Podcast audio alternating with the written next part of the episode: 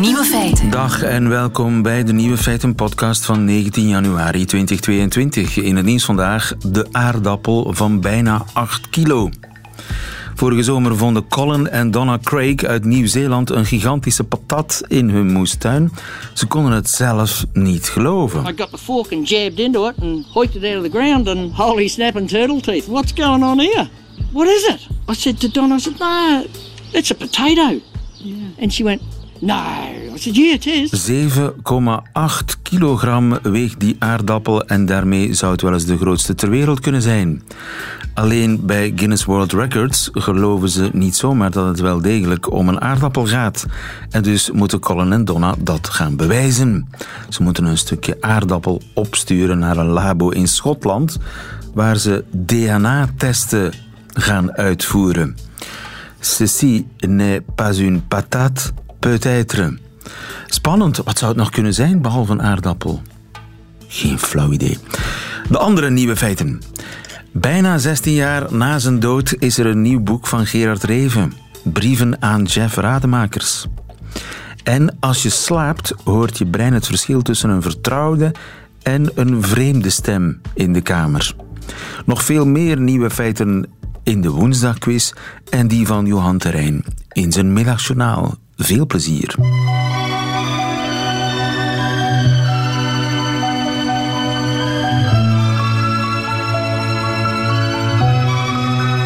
Nieuwe feiten.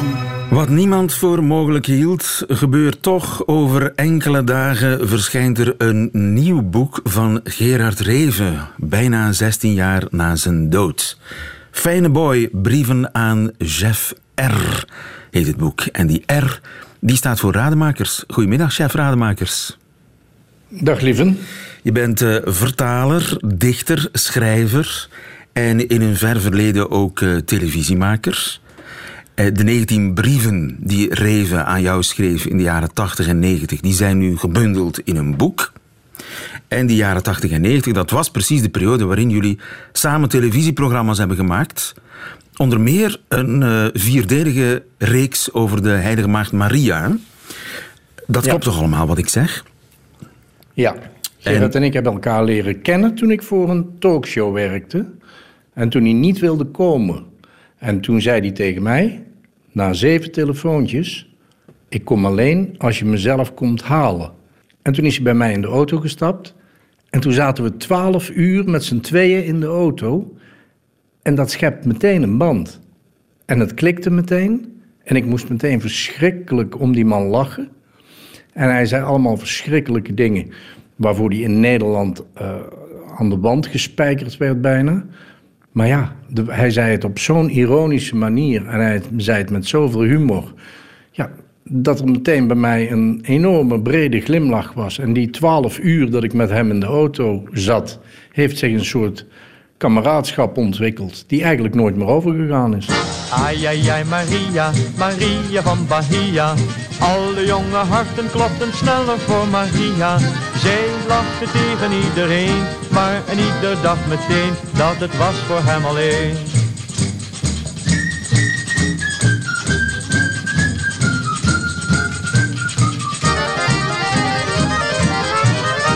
Eddie Christiani en eh, Maria van eh, Bahia. Was dat een liedje waar Gerard Reven van hield, chef? Nou, we- eh, het is nog doorgekomen dat ik twaalf uur lang met hem in de auto zat. En ik had zo'n cassette recorder. En daar stonden liedjes van Christiani op. En Ai Ai Ai Maria, dat vond Gerard fantastisch om dat heel hard mee te zingen. Ook wel een beetje natuurlijk ter ere van de maagd Maria. Want Maria speelde later een hele grote rol in de relatie tussen Reven en mij. Omdat ik samen met Reven die vier programma's gemaakt heb over de Maria-devotie. En Inderdaad. iedereen die deed een beetje vreemd over dat eh, eh, geloof van Gerard en over het feit dat hij katholiek geworden was. Maar die was heel oprecht in zijn religieuze gevoelens. En die vond de figuur van de Maagd Maria en de troost die zij aan zoveel mensen op de wereld geeft echt fantastisch. Daarom zongen wij soms mee met Ai Ai Ai Maria. ja. Hij, hij kon er ook de betrekkelijkheid van inzien. Hè? Want zo- zo'n liedje van eh, Eddie Christiani, dat is niet bepaald... eh, ja, dat barst niet van de vroomheid. Overigens ging het niet over de Maagd Maria, hè, dat liedje. Nee, het, het, ging over Maria. Maar het, het, ging in het leven van Gerard ging het uh, over Maria als moeder van de hele wereld. En de maagd, Maria, dat is overigens nog een, eigenlijk een raar misverstand. Dat heb ik allemaal van Gerard geleerd. Want Gerard bleek meer over het katholicisme te weten dan ik als braaf katholiek jongetje in de jaren 50 opgevoed. Er wordt toch altijd gezegd de onbevlekte uh, Maria. Maar dat wil niet zeggen dat zij uh, een kind heeft gekregen zonder geslachtsverkeer te hebben gehad. Uh, de heilige Jozef heeft wel degelijk een bijdrage uit eigen zak geleverd. Ja, Het betekent dat Maria zonder erfzonde is geboren. De onbevlekte ontvangenis betekent dat Maria zonder erfzonde is geboren. Dus zij was helemaal geen maagd. En dat wist Gerard allemaal. Eh, we gaan, we gaan uh, luisteren naar een stukje. Ja, het was 1987 of 88 geloof ik dat jullie samen naar Lourdes zijn getrokken om daar een, een, reportage te maken over de, de... Ja, ik denk dat het uh, de zomer van 1986 86 was. was het, kijk eens aan. En jullie zitten in... Uh, uh, Lourdes en Gerard is heel erg onder de indruk van de pelgrims. Jezus is het licht voor alle volkeren.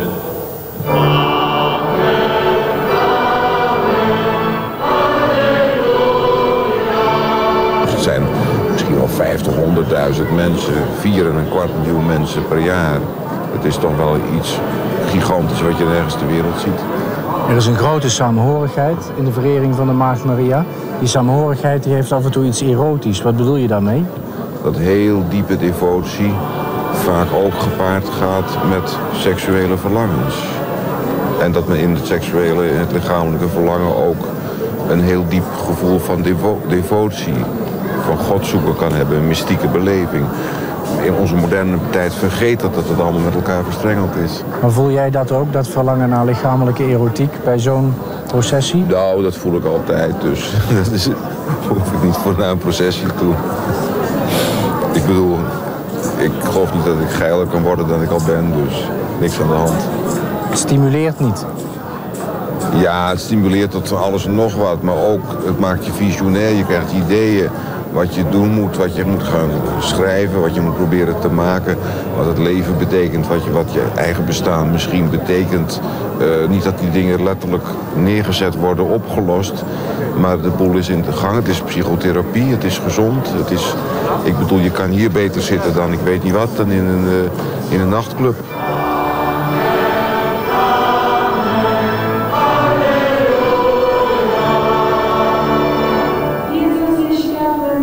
En was dat iets wat uh, jullie beiden bond, die vermenging van uh, erotiek en religie? Voelde jij dat ook zo? Nou, bij de religieuze gevoelens van Gerard uh, denk ik dat ik dat niet zo voelde. Maar ik denk dat er wel was, dat er iets was wat ons bond. Namelijk dat we alle twee een soort erg groot libido hebben een, een soort ongeremde seksuele uh, obsessie. Maar bij Gerard richtte hij, hij zich op een andere wijze dan bij mij. En bij Gerard had hij ook wel degelijk een religieuze component. Uh, in een van zijn boeken beschrijft hij hoe hij staande voor een Mariabeeld in uh, Alkmaar uh, de neiging voelt om zich te ontbloten. Zijn mannelijke roede verheft zich. En uh, hij plengt zijn zaad ter ere van de moeder van God, Maria. De, bedoel, zo bond heb ik het nooit gemaakt. Nee, je bent daar voor alle duidelijkheid nooit zelf getuige van geweest ook? Nou, ik ben van heel veel dingen getuige geweest, maar in godsnaam is mij dat bespaard gebleven. Ja. Nu, die, die brieven um, die gaan ook over geld en over televisie maken, over de was, over kaalheid. Hij, hij heeft overal verstand van. Ja, dat is het merkwaardige. Gerard was natuurlijk een enorme tobber. Iemand die zich in het leven eigenlijk ja, uh, niet op zijn gemak, niet op zijn plaats voelde die het gevoel had dat hij een buitenstaander was, een eeuwige twijfelaar. En het, het lijkt wel alsof hij dat compenseert door over hele banale, gewone dingen overal verstand van te hebben. Hij weet hoe je ergens vlekken uit moet halen. Hij heeft ook altijd adviezen op het gebied van zoveel kun je drinken en daarna wordt het te veel. Terwijl hij toch zelf daar ook wel eens een keertje een probleem mee gehad heeft. Hij heeft ook adviezen op het gebied van de liefde. Hij heeft adviezen op het gebied van hoe je televisie moet maken. Hij weet alles, hij heeft overal verstand van. En op een of andere manier bezweert hij daarmee zijn eigen onzekerheid in het leven. Ja, maar altijd op een superkomische manier. Inderdaad, maar heb je ooit rekening gehouden met zijn aanwijzingen in verband met televisie? Want ja, jij kon televisie maken, hij niet. Maar hij wist nee, wel dat er heel veel... hij accepteerde dat ook. Ja. Want de, eh, de, de, de aanhef van die brieven die begint met uh, uh, geachte heer en dan wordt het zeer geleerde collega en dan wordt het aan chef en dan wordt het chefke. En, maar als we aan het werk waren, dan schreef je mij ook brieven met chef met S, met CH. Chef? Ja. Ja. Dan, en hij vertelde ook tegen de anderen, dit is onze chef. En uh, dit en dit gaan we maken. Dus hij accepteerde wel dat ik de uiteindelijke uh, programmamaker, regisseur was. Maar ik heb heel erg veel rekening gehouden met de tips die hij mij gegeven heeft. Want Gerard had een geweldig gevoel voor drama en voor theater. En uh, nou ja, hij had natuurlijk ook een présence om u tegen te zeggen. Alleen al als je die stem hoorde, ja. dan werd je gelukkig. Jullie zijn uh, heel vaak samen op stap geweest in die periode. Waren dat gezellige autoritten? Ja. Ja, dat waren echt ongelooflijk gezellige autoritten. Volgens uh, uh, Ursula, op wie Reven overigens, dat is mijn echtgenote, op wie Reven overigens erg gesteld was... Um, waren wij alle twee een soort qua jongens die in de anale fase, om met Freud te spreken, waren blijven hangen. Dus alles wat zich beneden de gordel afspeelde, dat vonden wij enorm geestig. Alles wat Gerard tussen aanhalingstekens de voortplanting noemde, dat vonden wij allemaal erg interessant. Dus wij maakten daar grappen over. En soms op een hele platte manier. En uh, soms hadden we het over Schopenhauer. Ja, en dat is er even helemaal. Hè. Tegelijkertijd uh, niet, niet ongevoelig voor het platvloerse en ook niet voor het, voor het diep filosofische, het mystieke. Nu, hij schreef zijn hele leven lang uh, elke dag brieven. Hij schreef ja. als het ware warm. Het zijn een soort literaire jam-sessies. Er moeten nog ontelbare brieven in een koffer zitten. Ergens. In de periode waarin hij de brieven aan mij schreef, dus zeg tussen 1986 en 1997, schreef hij ook brieven aan zijn uitgever. Die zijn inmiddels allemaal uitgegeven. En hij schreef ook brieven aan de Rotterdamse burgemeester Bram Peper. Die zijn ook nog uitgegeven, een jaar of 15 geleden. Die brieven die hebben allemaal een enigszins andere toon. Maar een brief was voor Gerard nou, het is niet alleen dat hij zich warm schreef. Een brief was ook een literair genre op zichzelf. Net als een roman of een gedicht of een essay. De, in die brieven, het, is, gaat zelfs zo ver, dat hij, uh, hij schreef ze allemaal met een kroontjespen. Ik heb ze hier liggen. Maar hij geeft dan in de brief af en toe aan met een hokje. Hier moet een nieuwe alinea ja, beginnen. Ja, ja, en onderstreept wil zeggen cursief. Ja, ik soms... En hij schrijft aan het eind van een brief wel eens... Oh, chef, wil je deze brief voor mij bewaren en kopiëren?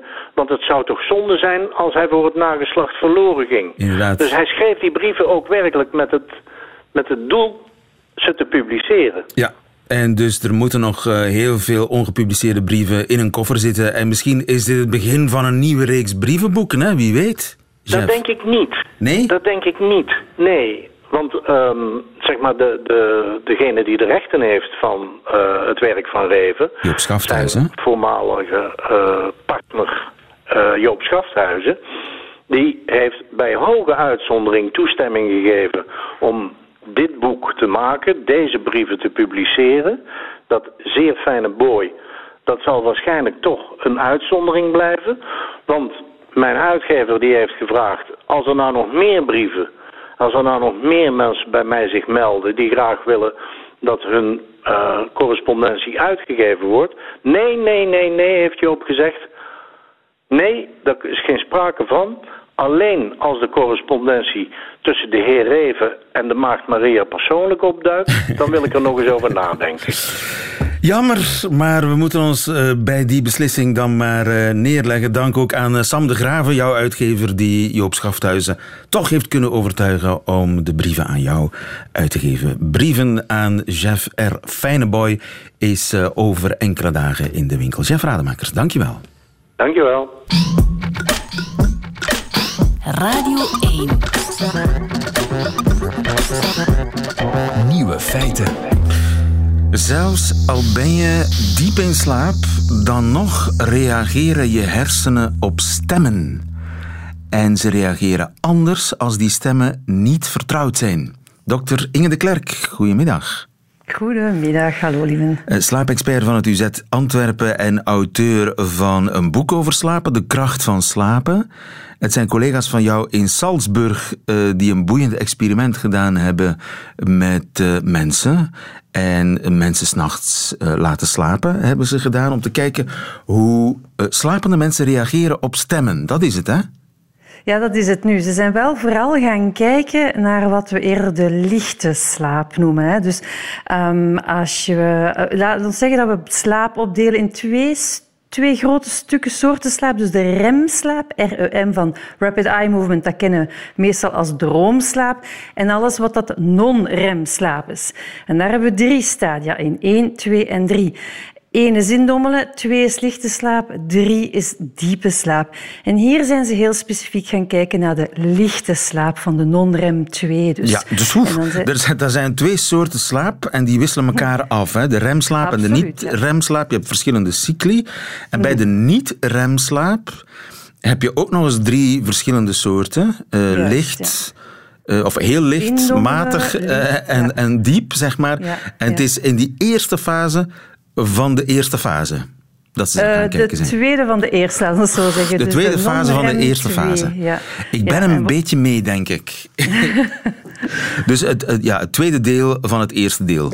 Mm, ja, zo zeggen. Dus het eigenlijk, ja, de non-rem 2, dat, is eigenlijk, dat komt redelijk op, snel op na het indommelen. Ja, ja. Zelfs bij een dutje ga je al uh, okay. die non-rem 2 of lichte slaap hebben. En elk type slaap heeft zijn functie. En daar is deze studie eigenlijk ook een beetje naar gaan kijken. Want soms wordt er een beetje te veel aandacht gegeven aan al die, die diepe slapen, waar we echt weg zijn van de wereld.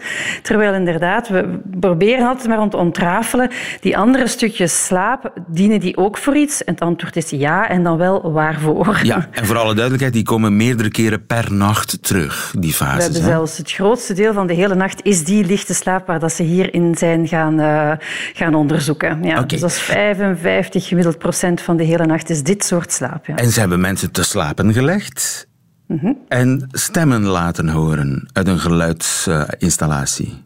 Ja, ja, inderdaad. En redelijk lang zelfs. Hè. Ze, hebben telkens 90 minuten stemmen laten horen en dan 30 minuten pauze.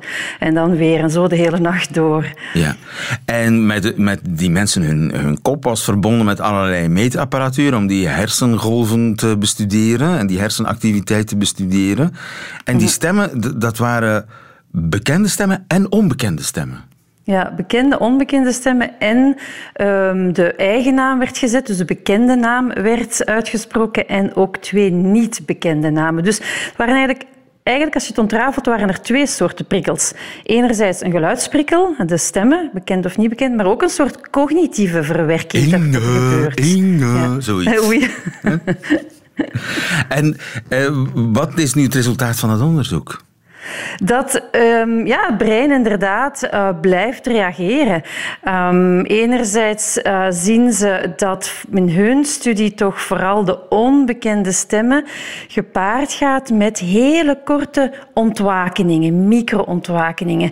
Die dan, uh, dus, dus die hebben ze kunnen registreren. Nu, iedereen wordt wakker tijdens de slaap. En dus wat dat zij zagen is dat tijdens dus vooral de onbekende stemmen er toch zeker in het begin van de nacht meer die hele korte ontwakeningen waren. En dat dat effect van die ontwakeningen blijkbaar een beetje afnam naar het einde van de nacht. Dus je zou dat kunnen vertalen als onbekende dingen. Wij zijn in staat om die op te vangen, een soort waakfunctie. Alarmfunctie. die... Zo van, hé, hey, daar is iets niet helemaal vertrouwd. Juist. Er is een onbekende stem in de kamer. Ja, ja, ja, bijvoorbeeld, inderdaad. Ja. Maar dat dan, als diezelfde onbekende stem dan toch de nacht door blijft gaan, dat die blijk- blijkbaar minder ontwakenend, wer, ontwakend werkt naar het einde van de Ja, nacht toe. Dus dat er een soort leereffect zou zijn. En is dat een, een restant van de oertijd, waar ja, we constant moesten alert blijven, ook tijdens onze slaap, voor, ja, voor vreemde stemmen? In eh, de, de rots kunnen. waar we ons teruggetrokken hadden of zo. Ja. Voor die grote gevaarlijke leeuw die daar op jou Ja. staat te loeren. Ja, dat zou dus inderdaad wel, eh, wel kunnen. Maar ik denk dat het mooie eraan is... ehm, nu, we weten twee dingen. Dat is inderdaad, elk stukje slaap is belangrijk. En twee, het is ook nooit zo dat heel jouw brein altijd helemaal in hetzelfde slaapstadium is. Zelfs bij de hele diepe slaap, hè, dat is dan wat we van kindjes zeggen, laat een bom ontploffen en ze worden nog niet wakker. Die zijn echt heel weg van de wereld. Maar zelfs dan weten we dat er nog stukjes hersencellen zijn die toch nog in de meer wakkere toestand zijn. Dus we zijn nooit 100% in hetzelfde slaapstadium. Ja, ja. Maar wat moet ik hier nu mee? Ik bedoel dat, dat mijn brein alerter blijft van vreemde stemmen.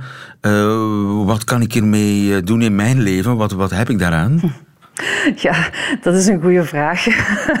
ik denk enerzijds ehm, dat, eh, dat het begrijpelijk is dat we kunnen wakker worden van vreemde dingen en dat dat ook een zekere functie heeft. En bovendien dat het niet daarom is dat jouw slaap gestoord is. Iedereen heeft van die micro-ontwakeningen. Het is perfect normaal om s'nachts wakker te worden. Dus dat het een soort van een geruststelling kan zijn. Ook voor mensen die zeggen van oei, ik, ik mag niet slapen, want ik moet waken. Dat ook al ben je goed weg in je slaap, dan zal jouw brein je toch altijd nog wel wakker maken als het nodig is. Dus je moet het zelf niet controleren. Je brein, je slaapactiviteit zorgt daar zelf wel voor. Ja, en ik denk aan mensen die, zoals ik, bijvoorbeeld, ik beken het, eh, heel snel voor de televisie bij het bekijken van een nogthans heel boeiende documentaire of film in slaap eh, val. Want dan hoor ik allerlei vreemde stemmen in precies die fase. Ja, inderdaad. Ja.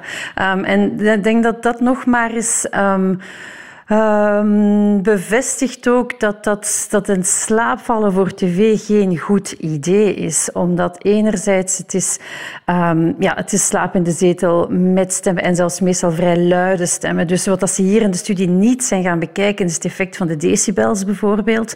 En het is natuurlijk ook, tv is complexer. We weten wel dat dat stukje slaap voor tv, dat, dat is geen kwaliteitsvolle slaap. Dus dat mag je ook niet meetellen met jouw nachtslaap. Maar het en wordt nu gaat- nog minder kwaliteitsvol nu ik weet Ja, dat mijn inderdaad. brein eh, daar waakzamer van wordt, van die vreemde stemmen. ja, en dan dingen gaat verwerken. En, en dus dit is, dit is geen herstellende slaap dat je voor de tv hebt. Integendeel, het zal eigenlijk hoogstwaarschijnlijk de nachtslaap gewoon weer gaan verstoren. Dus het is eigenlijk eh, eh, nooit een goed idee om je toe te laten van dat wegdommelen voor tv. Van dat, ook al kan het zo heerlijk lijken, maar het is nooit een goed idee. Alleen maar nadelen. Je verstoort je nachtrust en ja, je, je rust er niet mee uit. Absoluut, ja. Dat is heel juist, ja. Duidelijk. Dr. Inge de Klerk, dankjewel. Goedemiddag. Met veel plezier. Nieuwe feiten. Woensdag quiz. De zeer ernstige en eh, staatsgevaarlijke woensdagquiz. 25 euro staat er op het spel in de vorm van een boekenbon in te wisselen bij een confituurboekhandelaar. We spelen met Joris. Goedemiddag, Joris. Goedemiddag, lieven. Joris Hollebos uit het prachtige Assenede. Wat was je aan het doen? Ik was net klaar met eten, lieven. En, en wat stond er op het menu? Oh, dat, dat, dat, dat was een boertje. Dat mag hoor. op de radio is dat geen probleem. Eh, wat stond er op het menu? Gewoon bokens met een schel rauwe ham. Ach, soms moet het niet meer zijn. Johan van der Zande uit Grobbendonk. Ook een goede middag. Goedemiddag, lieven. Wat was jij aan het doen? Eh, ik ben onderweg naar Merksem. Om wat te doen? Met de, met de vrachtwagen, om een vrachtje te gaan oppikken voor Deerlijk. Aha, je moet nog naar Deerlijk met, eh, met een, eh, een tientonner of is het een bescheidener eh, Het is, eh, het is een 26, 26 tonner, een grote. Jeetje, het klinkt bijzonder indrukwekkend. Goedemiddag ook uh, Gilles Wijkmans. Goedemiddag. Uh, jij hebt weer een, uh, ja, een, een marteling samengesteld in de vorm van een quiz. Ik ga die quiz voorleggen aan onze twee kandidaten Joris en Johan. Ik begin bij Joris die zich het eerst heeft gemeld. Zolang hij goed antwoordt, blijft hij aan de beurt. Blijft hij aan de beurt bij een fout antwoord, gaat de beurt naar Johan. En wie het laatste nieuwe feit goed kent, die wint deze quiz. We zullen er maar aan beginnen, zeker. Joris, Elon Musk brengt met zijn bedrijf SpaceX via satellieten het internet naar de meest afgelegen plekken ter wereld. En toch werkt het niet bij een klant in Amerika. Waarom niet? A. Het internet van Elon Musk werkt in de Sahara, maar regen verstoort het signaal. B. Straatkatten gebruiken de schotelantenne als mandje bij die ene klant in Amerika. En C. Zijn kinderen hadden met verf Welcome Aliens op de schotelantenne geschreven. En dat verstoorde het signaal. Joris, wat denk je? Ja, ik zou zeggen C. Fout! C is het niet. Het zijn straatkatten. Johan moet natuurlijk nog een, nog een kans krijgen. Ja, ik ging naar Johan. Rustig.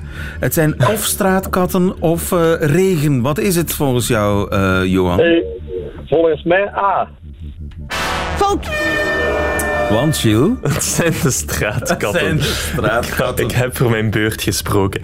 Nee, inderdaad. Dus die schotelantennes die het internet ontvangen van die satellieten, daar zit een verwarmingstoestel in. Om ervoor te zorgen dat sneeuw die erop valt eigenlijk ervan afgesmolten wordt. Ja. Alleen straatkatten vinden dat natuurlijk heel aangenaam om op een lekker warm ja, schotelantennetje te gaan zitten en dat te gebruiken als mandje. En zo'n kat verstoort het signaal? Ja, zeker als er daar drie op zitten. Want hij had een foto gemaakt en dan zaten er drie katten op. Ja, als heel die schotelantenne zo bedekt wordt, dan werkt Netflix al dus iets trager. Terug naar Joris voor vraag 2. De bonte vliegenvanger Joris is een klein vogeltje dat in bijna heel Europa voorkomt. Het heeft een bijzondere tactiek om zijn nageslacht te beschermen tegen roofdieren. Welke tactiek? A. Die bonte vliegenvanger die betaalt beschermingsgeld aan de roofdieren in de vorm van voedsel. En dat voedsel laat hij dan net buiten het nest achter. B. Die bonte vliegenvangers die hebben geleerd om de ingang van hun nest te beveiligen met doornen. C. De vrouwelijke vliegenvangers die plegen overspel zodat hun nest ook door hun minnaar wordt beschermd. Welke tactiek gebruikt de bonte vliegenvanger om zijn nest te beschermen tegen roofdieren? Joris. Ik gok op C. Dat is helemaal goed. Helemaal goed. Overspel voor de goede zaak. Ja, inderdaad. inderdaad ja, het is ook een goed excuus misschien om overspel te plegen. Maar uh, er was al langer in wetenschappelijke kringen het vermoeden dat die vrouwtjes dat deden. Dus wat hebben onderzoekers gedaan? Ze hebben drie nestkastjes gemaakt. In het eerste nestkastje zaten een paar mannetjes. Die mochten dan paren met het vrouwtje. In het tweede nestkastje en het derde nestkastje zaten mannetjes die dan niet mochten paren met het, uh, met het vrouwtje. En dan bleek wanneer er een roofdier uh, in het spel was, dat de minnaar dus naar zijn ging om haar nest te beschermen. Want die dacht van, ah ja, misschien zijn dat mijn kinderen. En de, en de mannetjes die dan ja, uh, geen minnaar mochten worden, die deden niks. Ja, en wie kan hen ongelijk geven? Vraag 3. Ik blijf bij Joris. Wat is een van de lokale specialiteiten van het Japanse dorpje Iino? A een noedelsoep geserveerd in een stenen kom die aliens kan aantrekken? B. Een sushi-roll met de smaak van liefdesverdriet? Ik is samengesteld door Gilles. Ik weet niet wat hij geslikt heeft. Vraag C. Nou, antwoord C, mogelijkheid C. Witloof met ham en kaas. Wat is de lokale specialiteit in Iino in Japan? Joris. Ik ga weer voor C. Je gaat weer voor C. Fout! Dat is het foute antwoord, Johan van der Zanden. Dat betekent dat jij nog een kans krijgt. A of B, wat is het? Uh, ik zou op B gokken. Fout! Een sushi-rol met de smaak van liefdesverdriet. Het zou me inderdaad ook niks verbaasd hebben. Maar het is een noedelsoep geserveerd in een stenen kom die aliens kan aantrekken. Ja, omdat, komt omdat het dorpje geobsedeerd is door aliens. Al sinds de jaren 70 zouden er uh, heel veel UFO's gespot worden. En ondertussen is het dorpje ook een heel grote trekpleister geworden voor allerlei toeristen die geïnteresseerd zijn in buitenaards leven.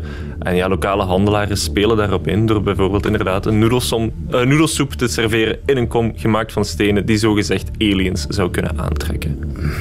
Japanners. Uh, vraag 4. Uh, belangrijke vraag. Heb je die goed, Joris, dan win je deze quiz. Oké. Okay. Wat hebben verschillende Zuid-Koreaanse dating-apps onlangs verboden? Is dat A. Schrijffouten maken in je bio? If only. B. Foto's van mensen met een mondmasker op? C. Het gebruik van de apps op het werk. Namelijk wanneer je locatie verraadt dat je op het werk bent, gaat dat ding op zwart. Joris, wat denk je? Ik denk B. Je denkt B. Dat is helemaal goed. En daarmee hebben wij een winnaar.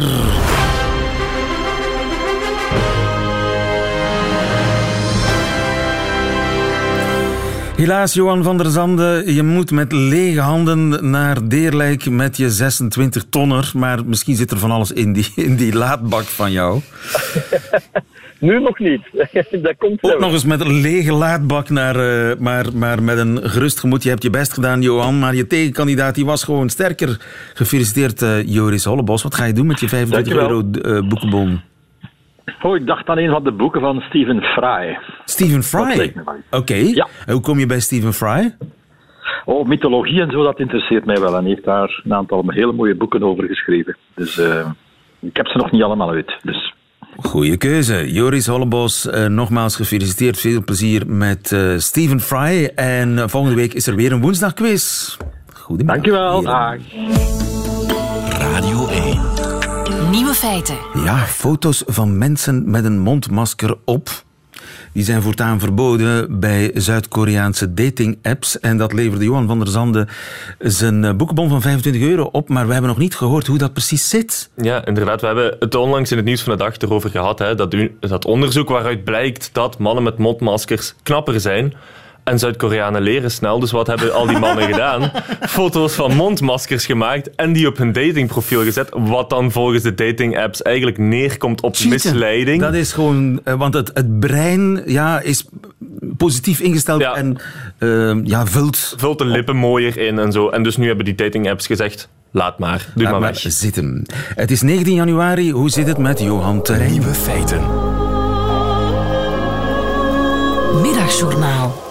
Beste luisteraar, ik doe het niet graag, uit het bed of uit het toilet spreken, maar vandaag is het dan toch zover.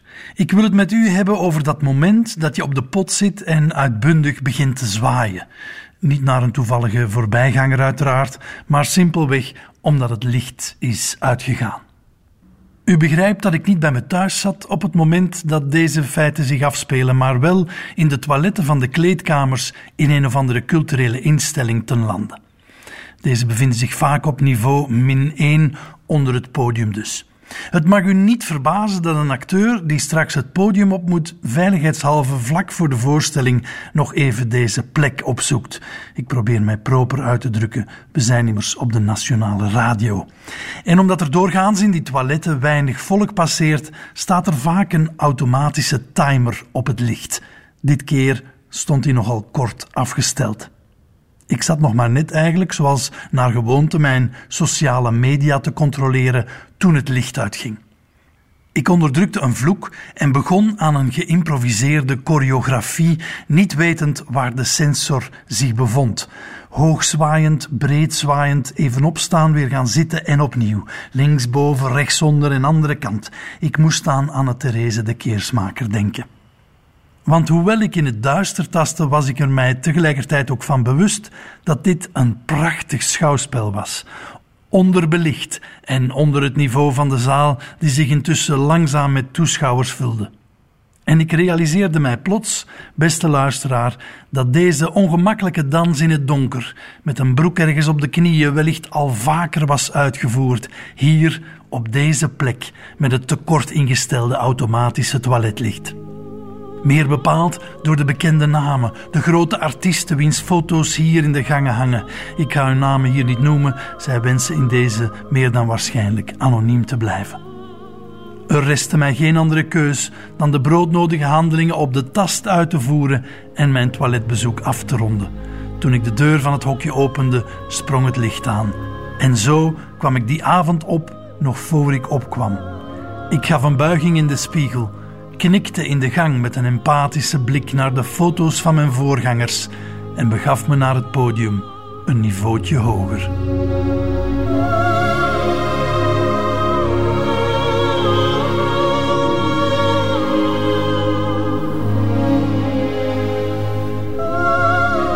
Het middagjournaal met Johan Terrein. Ik kijk nooit meer met dezelfde ogen naar iemand die op het podium staat. Hoort u liever de volledige nieuwe feiten met de muziek erbij? Dat kan natuurlijk on demand via de website radio1.be of via de Radio 1 app. Einde van deze podcast. Tot een volgende keer.